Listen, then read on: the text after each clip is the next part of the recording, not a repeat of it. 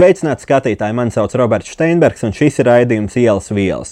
Šajā sērijā mēs runāsim par stimulantiem, to riskiem un kaitējumu mazināšanas pasākumiem. Lūdzu, viesi vizītkarti. Jānis Krīvens, latviešu reperis un digitālā satura veidotājs. Atklāti runā par vielu lietošanu. Kopā ar Latvijas slavenāko narkotiku kurjeru piedalījies dokumentālajā seriālā Bolīvija pa kokas pēdām ciemojies pie kokas lapu vācējiem un apmeklējis nelegālo kokaīna pastas laboratoriju Bolīvijas džungļos.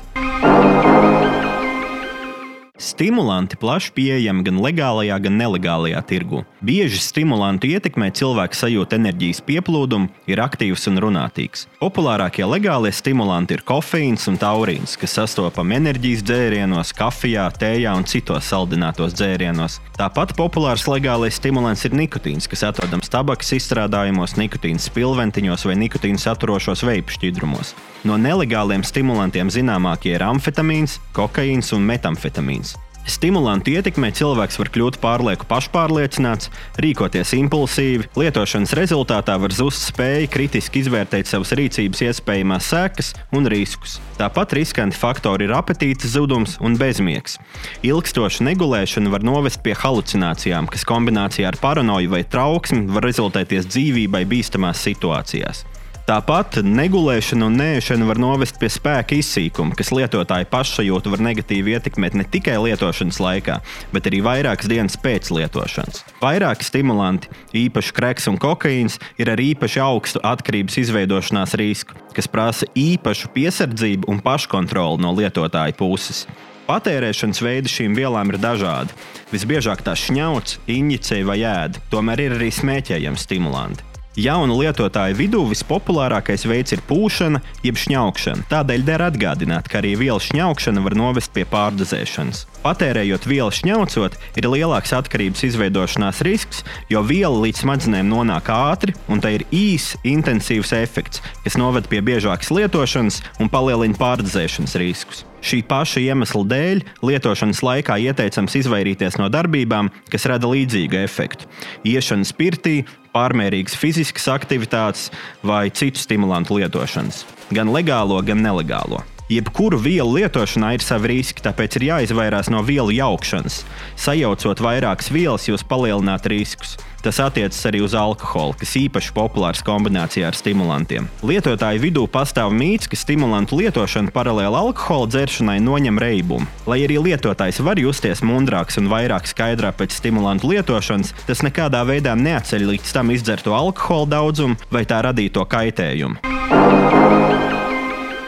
Kādi, tavuprāt, ir tie veidi un tā motivācija, kāpēc cilvēki vispār izvēlas lietot tieši stimulantus? Es domāju, tas tāpēc, ka stimulanti ir tas, kas tev dod rašu tādu visizteiktāko. Var arī būt, ka lielākā daļa cilvēku vienkārši šausmīgi, viņiem ir kaut kāds uzmanības deficīts, uzmanības trūkums, viņi nevar nokoncentrēties, vai arī viņi ir lēnīgi vai, ne, vai miegaini. Un varbūt tāpēc viņiem patīk tas stimulanta īsā, ad, drošā adrenalīna deva. Jo pa lielam visiem cilvēkiem, man liekas, visiem cilvēkiem cepja adrenalīns kaut kāds vairāk vai mazāk visiem patīk. Cik tālu tu esi gatavs iet, lai to adrenalīnu norautu, tas ir katra individuālajā izpratnē. Citiem ir ātrums, tā kā fizisks ātrums, vai ne, nevis spīds, citiem augstums, citiem kaut kāda ekstrēmē sporta veidi. Bet, teiksim, daudz cilvēku pamēģina stimulantus, un viņi saņem kaut kādu mazu, manuprāt, daļu, kaut kādu līdzīgu efektu tam adrenalīnam, nedarot neko tādu, lai tas izraisītu adrenalīnu, saprot? Un viņi paliek atkarīgi, man liekas, no tās sajūtas. Tu minēji par to koncentrēšanās, uh, lai, lai spētu, ka lieto, lai spētu nokoncentrēties. Jā, jā, jā. Nu, reāli, ja paskatāmies, tur jau arī priekš uh, ADHD. Uh, Ritalīns, tas viss ir amfis, būtībā legāls amfis. Tas ir kreizī, bērniem dod legāli. Iedomājies, es kaut kur lasīju baigi labo tvītu, vai tas bija mīms vai kaut kas tam līdzīgs. Bērniem skolās, ka viņi negrib sēdēt ast, nu, visu dienu skolā uz krēsla mācīties, tāpēc viņiem dod legālu amfetamīnu, ritalīnu, sazāļo viņus būtībā, lai viņi varētu nosēdēt uz krēsla vienkārši kaut kādas, cik tur tās stundas, cik skolā ir jāpavada, vai ne? Tas ir bišķiņi rēcīgi, ka tev būtībā dod amfi, izra, izrakstu to ADHD, lai vienkārši nosēdētu skolā vai izpildītu mājas darbus. Tas ir Jocīgi, tev neliekas tā? Jā, tas ir interesanti arī no tādas skatu punkta, ka tu bērniem legāli vari dot, uh, izrakstīt viņu, bet tiklīdz kāds to pašu vielu, to pašu ritalīnu, kaut vai kāds to dara bez receptes, viņš kļūst par kriminālu. Nu, kriminālu, kriminālu jā, kā tas vispār strādā tiešām? Jo tas ir šausmīgi pelēka zona tāda, kur uh, tiešām tev ir recepte vēl pēc tam bērnam, cik tev 12 gadu kaut kāda, vai ne? Viss kārtībā, vai ne? Tā ir daļa no pieaugšanas. Bet ja tu esi, teiksim, students, un tu kaut kur daboni to ritalīnu, lai tu uzrakstītu savu fakino kursa darbu, tas ir nelegāli. Tā nedrīkst tev, vai tu esi noziedznieks, tev ir kriminālā sodāmība.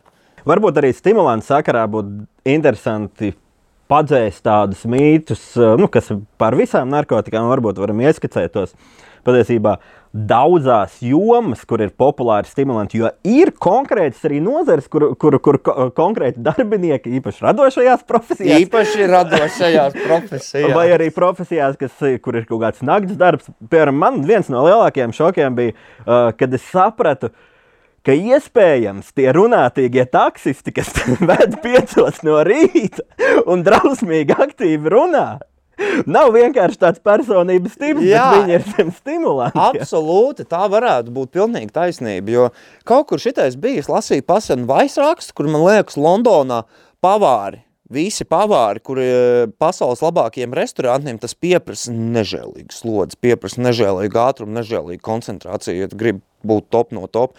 Un tas, cik ļoti Londonas restorāna industrija patērēja kokaīnu, tas ir vienkārši crazy. Londona lielākais tirgus vispār Eiropā.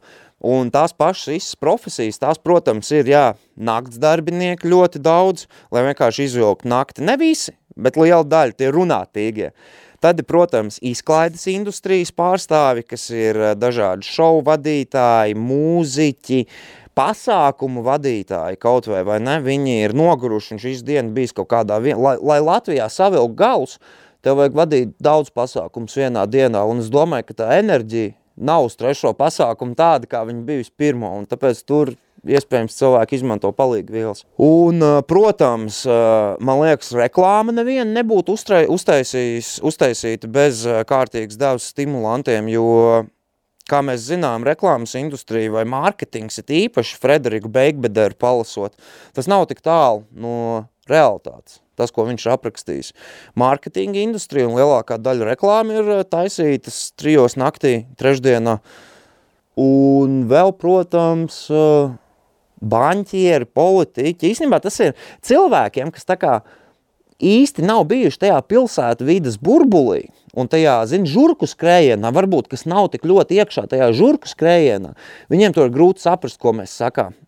Piemēram, cilvēkam, nu, no limbažiem, teiksim, viņš dzīvo limbažos mierīgu dzīvi, viņam ir kaut kāda saimniecība, viņš ir superīgs, kārtīgs, foršs cilvēks.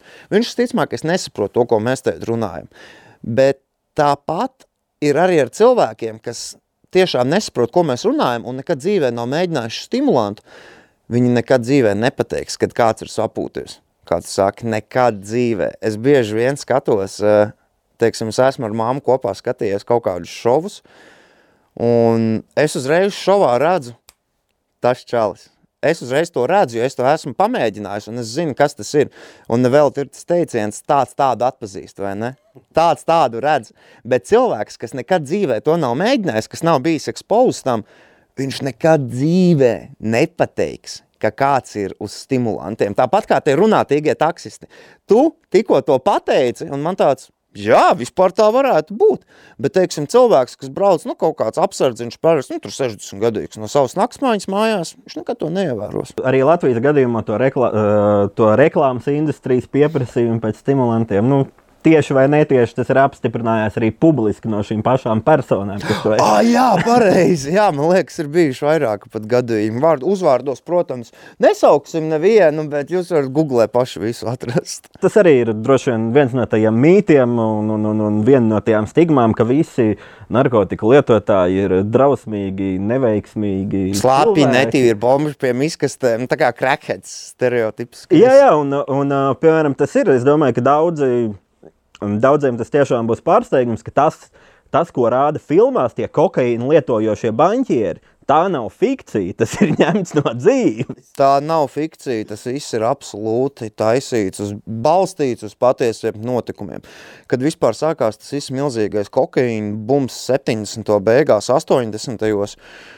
Amerikā, tad, tad viņš pat tika kaut kādā veidā, viņš, viņš nebija, lai gan tagad arī viņš nav tabū vairāk pat īsti, tagad ir, ir iziets kaut kāds tas viens narkotikas dzīves aplis, kad viņi ir atgriezusies pie tā, kas viņi bija sākumā, respektīvi, tad 90. un early 2000s bija tādi bumpy, bet man liekas, ka tagad globālajā kaut kādā, teiksim, ka tu jau aizvien vairāk skaties popkultūrā vai filmās, vai ne, kā tas tiek normalizēts, kā tas par visur tiek runāts. Man liekas, ka tas šobrīd jau ir kaut kādā līdzīgā stadijā tam, kā tas bija 80. sākumā. Manuprāt, vismaz sabiedrībā, popkultūrā mēdījos. Un uh, tas viss balstīts uz patiesiem notikumiem, lai cilvēkiem nav... Tu zini, kā tu pelni pārāk, da... kā, kā dieviņš tev liek manīt, ka tu pelni daudz naudas? Tad, kad sāc izmest uz koku visu? Kokaīns. tas ir tas moments, kad dieviņš tev dod dzīves, ka tu pelni pārāk daudz naudu. tas ir arī tāds labs joks. Pat politiskā līmenī mums ir bijuši pašvaldības, bagātas Tusiņš pašvaldības. trūksni varētu būt kreizies, iedomāju. Iedomājies, ko ir otra diena, trīs naktī, jūrmals doma, iedegts viens loks, vai ne naktī. Trūksnis sēž, kādas persijas paklājas varētu pasūtīt no Šveices, vai tieši konkrēti šo persijas paklāju. Tur uh, sižetā dzirdējām, bija minēts par to, ka ilgstoša stimulantu lietošana var novest pie bezmiega, no, pie nēšanas, un tas savukārt var radīt halucinācijas. Uh, Tev pašam ir bijis kaut kāds uh, bad trips, kur uh, rezultātā tev ir kaut kādas halucinācijas? Baigi, nē, es neteiktu, ka man būtu. Man ir bijis bad trips no psihodēlijām. Es to esmu, man liekas, kaut kādos citos radījumos apskatījis, bet no tā man nav īsti bijis bad trips. Es, es nezinu, es laikam esmu vienmēr zinājis, kad iedot pa bremzīti. Man laikam ir ar to pašnovērtējumu tā, ka uh, es zinu savus limitus, ko es esmu varējis izdarīt, vai ne tad, kad ir bijis tas viss pedāls grīdā periods, vai ne pirms septiņiem gadiem, kad satīns radās. Un tad kaut kā, paldies Dievam, mums nevienam nekas nenotika tajā laikā ar cilvēkiem, kuriem es tusējos, kuriem joprojām uzturu. Mēs visi esam kopš tā laika bišķiņi, bišķiņi izauguši, bišķiņi, bišķiņi labāki palikuši.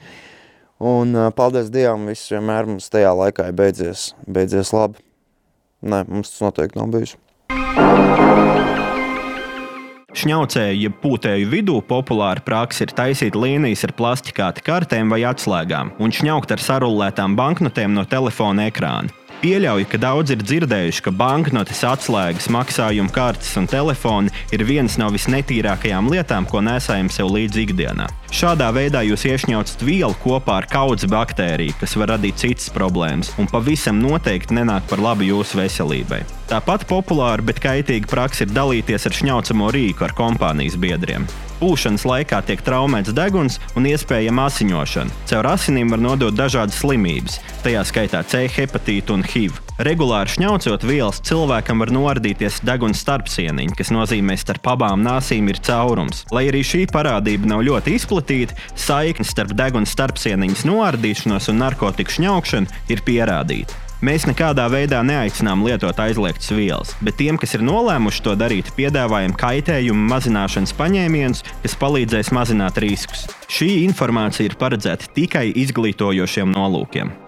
Ja atrodies valstī, kur pieejama anonīma narkotiku testēšana, izmanto šo pakalpojumu, lai pārliecinātos, ka vielai nav bīstama pieauguma. Ja injicē vielu, vienmēr izmanto tīru šķirci, neizmanto lietotas šķirces un nedalies ar citiem. Atcerieties, ka arī šņaukšana var rezultēties pārdozēšanā. Vielas iešņaukšanai nelieto banknotes, labāk izvēlēties vienreiz lietojamos papīra salmiņus. Ar plastmasas salmiņiem ir lielāks risks traumēt degunu. Dezinficē rīku, ar ko taisa līnijas un virsmu no kā pūtīs. Sasmalcina lielākos gabaliņus. Sāc ar mazu daudzumu, vienmēr varēs iepūst vēlreiz, taču, ja sapūtīsies par daudz, palīdzēt varēs tikai profesionāli mediķi. Nogaidi pirms atkārtot uzņem vielu. Dažādos apstākļos viela var iedarboties vēlāk. Gaidīšanas laiks starp lietošanas reizēm atkarībā no vielas un literatūras svārstās no 40 līdz 80 minūtēm. Katrs lietotājs lieto savu šņaukšanas rīku un ar citiem nedalās. Izkalo nāsis ar ūdeni pēc lietošanas. Ja tev nāsīs ir stimulanti, tu tos mazos daudzumos turpini uzņemt, kamēr esi miegā. Atceries, ka vielu jaukšana arī alkoholu, būtiski palielina riskus.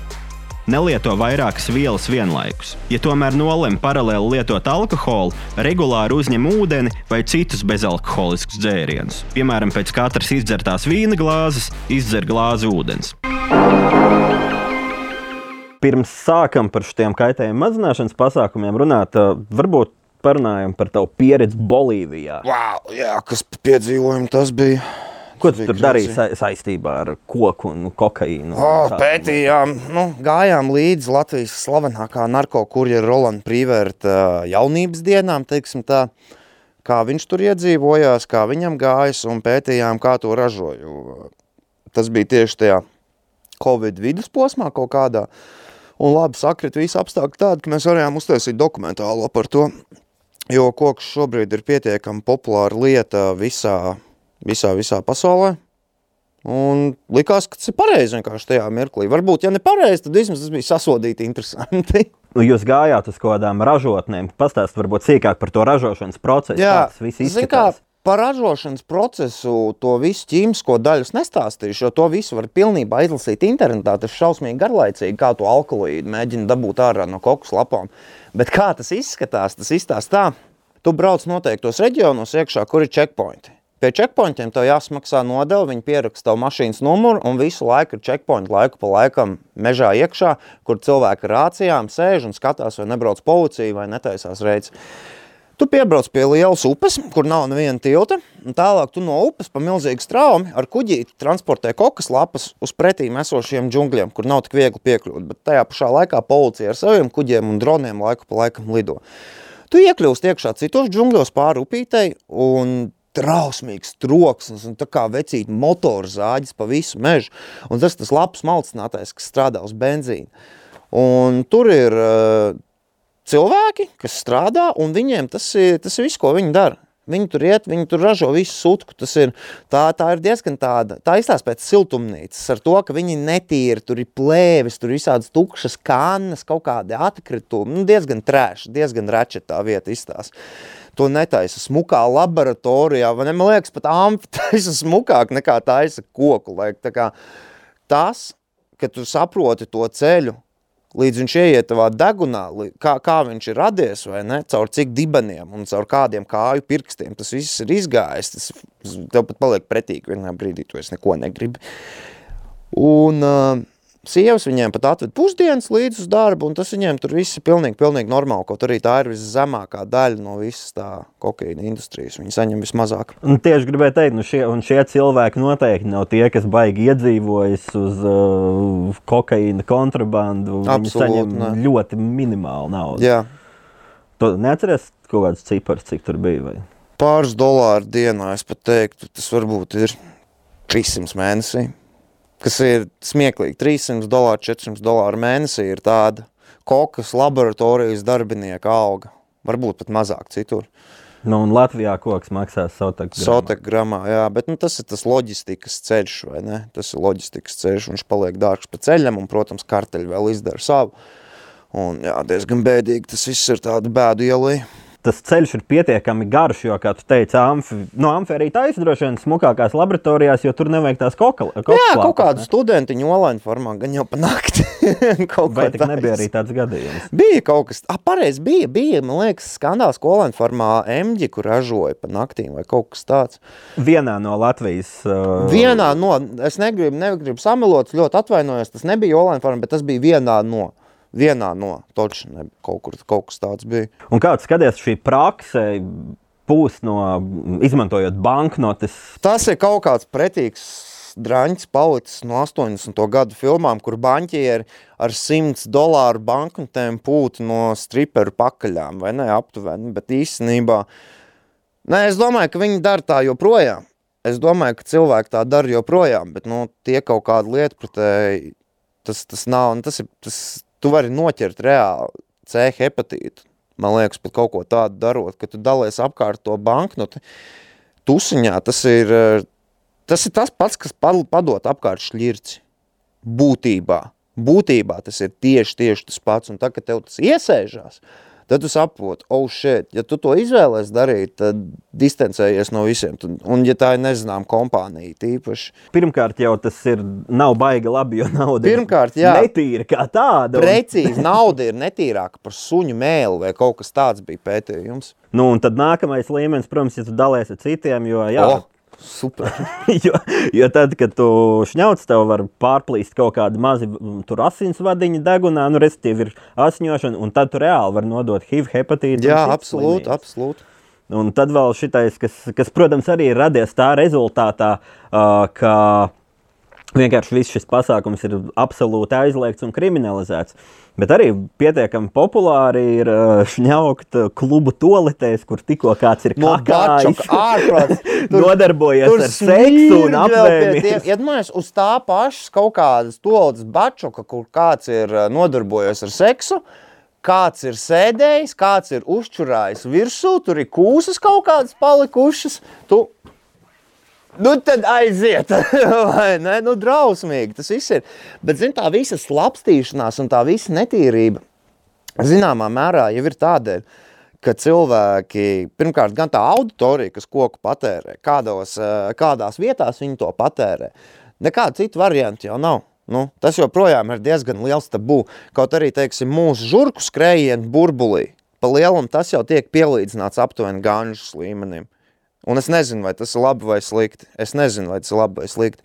Bet, teiksim, cilvēkiem, kas nav šitajā burbulī un nav īsti uz vienu viļņu par to, ko mēs runājam, viņiem tas ir šausmīgs tabū. Viņi joprojām redz, es domāju, šņaukšanu kā to, to, to pašu, kas duršanos. Pilnīgi, pilnīgi identiski. Pilnīgi identiski viņi to redz. Un tieši tāpēc joprojām ir tas tabū, un tieši tāpēc ir tā slapstīšanās, un tieši tāpēc ir tā drausmīgā netīrība un preteklība. Un, un es domāju, tas tāds aburts logs, zinu.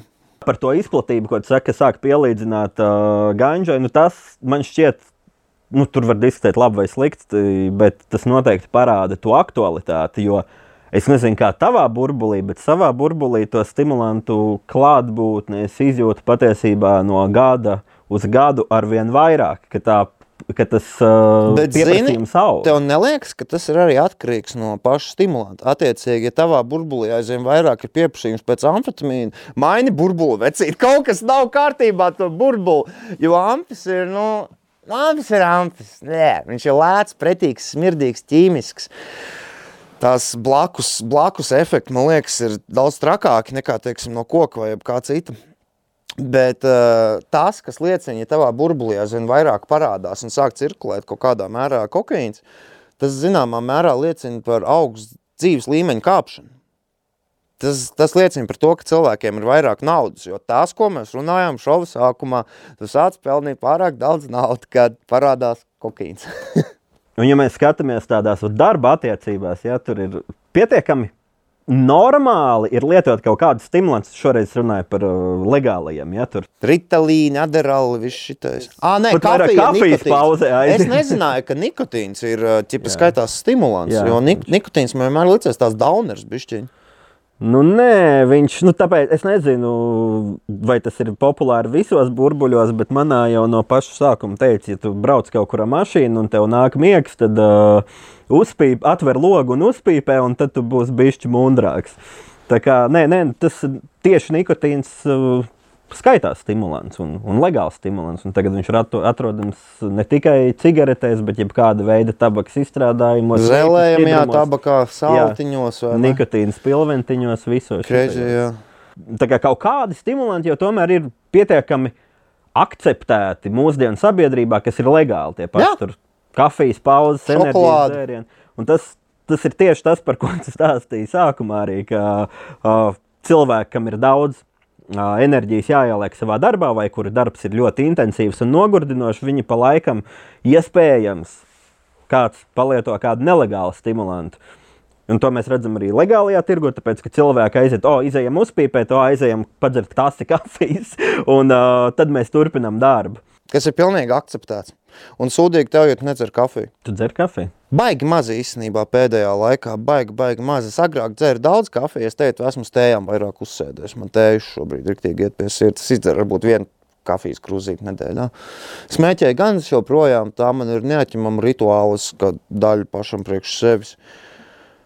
Un, uh, bet vai zināja, ka visinteresantākais, teiksim, naktas strādnieku stimulants ir kola? Vecīt kola strādā labāk kā jebkurš enerģijas dzēriens. Tu enerģijas dzērienu var izmest miskastē, salīdzinoši to, cik, jo kolā ir tik daudz cukurs, ka viņi tevi notur uh, pie uzmanības daudz, daudz labāk par jebkuru enerģijas dzērienu. Tā braucēji, kola, Bieži vien taksistiem tu mašīnā redzi kolu, kad es pats esmu, teiksim, bijis pie stūras no kaut kādiem vēlajiem nakts koncertiem, kraties no pilnīgiem laukiem uz Rīgu, kolu. Jā, tas, tas noteikti ir izplatīts un patiesībā, uh, ja skatās tajā kola sakarā, tur ir ļoti interesanti, ka daudz cilvēki runā par atkarību tieši no kolas. No... Bet tas jau ir no cukura. Tā ir atkarība no cukura, tieši tā. Kāds ir tavs uh, uzskats par to, kādam būtu jābūt stimulantu regulējumam. Dienas beigās es esmu reperis. I don't know shit. Es nevaru spriest par tādām lietām kā regulējumi, bet tas, ko es varu spriest, par to noteikti nebūtu jāliek cietumā. Jebkas, kas ir saistīts ar kriminālu atbildību, ir jāmet miskastē. Tā kā es to pilnīgi, un es to uzskatu ne tikai stimulantiem, tas ir jebkurām narkotikām, tieši pa lietošanu. Tieši pa lietošanu, man liekas, ka tas nav pareizi cilvēks krimināli sodīt un ievilkt tieši viņus vēl vairāk iekšā tajā mehānikā. Bet uh, es tev nemācēšu šito atbildēt, jo dienas beigās es esmu reperis. Ar nosacījumu, ka tas nav vardarbīgs ar nosacījumu, ka, noziegums. Ar nosacījumu, ka tas nav vardarbīgs noziegums un cilvēki ir daudz, profili ir dažādi, arhetipi dažādi cilvēkiem, kas lieto. Lielākoties tas nav vardarbīgi, lielākoties viņi nevienam netraucē. Viņi Tāpat kā tu aizēji vakarā mājās, izdzer vīna glāzi vai aliņu vai, ne, vai kaut ko tādu, tāpat citi cilvēki izvēlās vai ne, iepūst, uzpīpēt vai jebko tādu. Un tas noteikti nevienā veidā nevienam netraucē. Un noķer parasti tikai nabadzīgos. Tieši tā. Paldies, ka atnāci! Paldies! Paldies, ka skatījāties! Tiekamies pēc divām nedēļām!